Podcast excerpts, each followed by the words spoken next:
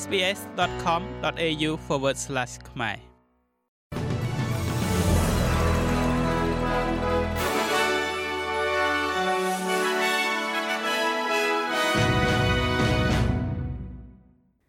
សូមស្វាគមន៍មកកាន់នេតិព័ត៌មានខ្លីៗរបស់ SBS ខ្មែរសម្រាប់ថ្ងៃប្រហ័សទី9ខែវិច្ឆិកាឆ្នាំ2023 លោកនាយករដ្ឋមន្ត្រី Anthony Albanese មានប្រសាសន៍ថាលោកចង់ឲ្យការផ្ដោតសំខាន់នៃកិច្ចប្រជុំប្រចាំឆ្នាំរបស់មេដឹកនាំក្នុងវេទិកាកោះប៉ាស៊ីហ្វិកនៅឯកោះខុកមានការរួបរวมគ្នា បន្ទាប់ពីគណៈប្រតិភូ Nauru ដើរចេញពីសម័យប្រជុំដ៏សំខាន់នេះ។ គណៈប្រតិភូរូបនេះបានចាក់ចេញទៅ ជាការធ្វើកោតកម្មតវ៉ាចំពោះការរិះគន់ដែលរាយការណ៍អំពីបេក្ខជនដែលខ្លួនពេញចិត្តសម្រាប់តំណែងអគ្គលេខាធិការវេទិកាកោះប៉ាស៊ីហ្វិកនេះគឺលោក Barong Vaga ការប្រឆានេះបានរំលឹកឡើងវិញនៅការបែកបាក់ដ៏ខូចខាតមួយកាលពីឆ្នាំមុន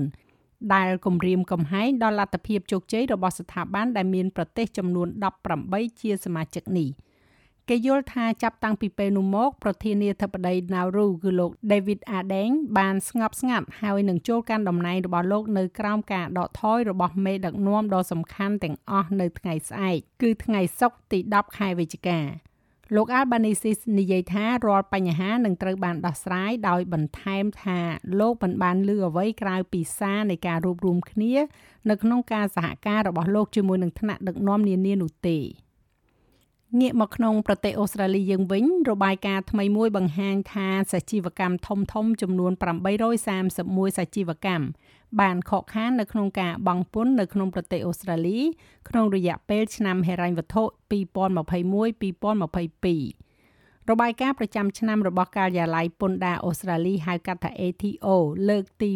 9បង្ហាញថាប្រទេសអូស្ត្រាលីបានកត់ត្រាការយកពន្ធទៅលើក្រុមហ៊ុនខ្ពស់បំផុតរបស់ខ្លួនក្នុងរយៈពេល8ឆ្នាំជាមួយនឹងពន្ធលើប្រាក់ចំណូលចំនួន83.8ពាន់លានដុល្លារនេះភាគច្រើនដោយសារតែការស្ទុះងើបឡើងវិញនៃសេដ្ឋកិច្ចក្រោយរោគរាតត្បាតទោះបីជាយ៉ាងនេះក្តី ជិត1ភាគ3នៃក្រុមហ៊ុនចំនួន2713ក្រុមហ៊ុនដែល ATO បានតាមដានមិនបានបង់អ្វីសោះឡើយក្នុងអំឡុងពេលនេះ។ស្នងការរង ATO លោកស្រី Rebecca Sen មានប្រសាសន៍ថានេះមិនមានន័យថាពួកគេមិនធ្វើត្រឹមត្រូវនោះទេ ដោយសារពន្ធត្រូវបានបង់ទៅលើប្រាក់ចំណេញមិនមែនលើប្រាក់ចំណូលសរុបហើយមានហេតុផលជាច្រើនដែលក្រុមហ៊ុនដែលមានប្រាក់ចំណូលច្រើនមិនបានទទួលនៅប្រាក់ចំណេញ ចុងក្រោយនេះអតិថិជនដែលរងផលប៉ះពាល់ដោយការដាច់សេវារបស់ក្រុមហ៊ុនទូរគមនាគមន៍ Optus កំពុងត្រូវបានជំរុញឲ្យស្វែងរកសំណងបន្ទាប់ពីរដ្ឋាភិបាលរបស់លោក Albanese បានប្រកាសថាខ្លួននឹងធ្វើការត្រួតពិនិត្យសាររើក្រោយពេលមានឧបទ្ទហេតុអង្គភាពអំបត្តិស្មិននៃឧស្សាហកម្មទូរគមនាគមន៍កំពុងជំរុញឲ្យអាជីវកម្មខ្នាតតូចតាក់ទងជាមួយនឹងក្រុមហ៊ុន Optus ជំវិញការបាត់បង់ពាណិជ្ជកម្មដែលបណ្ដាលមកពីបញ្ហាលើប្រព័ន្ធបណ្ដាញដែលចំណាយពេលជាង12ម៉ោងដើម្បីដោះស្រាយ។អតិថិជននិងអាជីវកម្មដែលប្រើប្រាស់សេវាកម្មរបស់ Optus ជាង10លាននាក់បានរងផលប៉ះពាល់កាលពីថ្ងៃពុធបន្ទាប់ពីបណ្ដាញនេះបានឈប់ដំណើរការនៅម៉ោងប្រមាណជា4ព្រឹកដោយរារាំងមនុស្សពីការភ្ជាប់អ៊ីនធឺណិតឬធ្វើការហៅទូរស័ព្ទចេញឬក៏ទទួលការហៅទូរស័ព្ទចូល រួមទាំងការហៅទូរស័ព្ទលើតុទៅកាន់លេខ03ដងផងដែរ។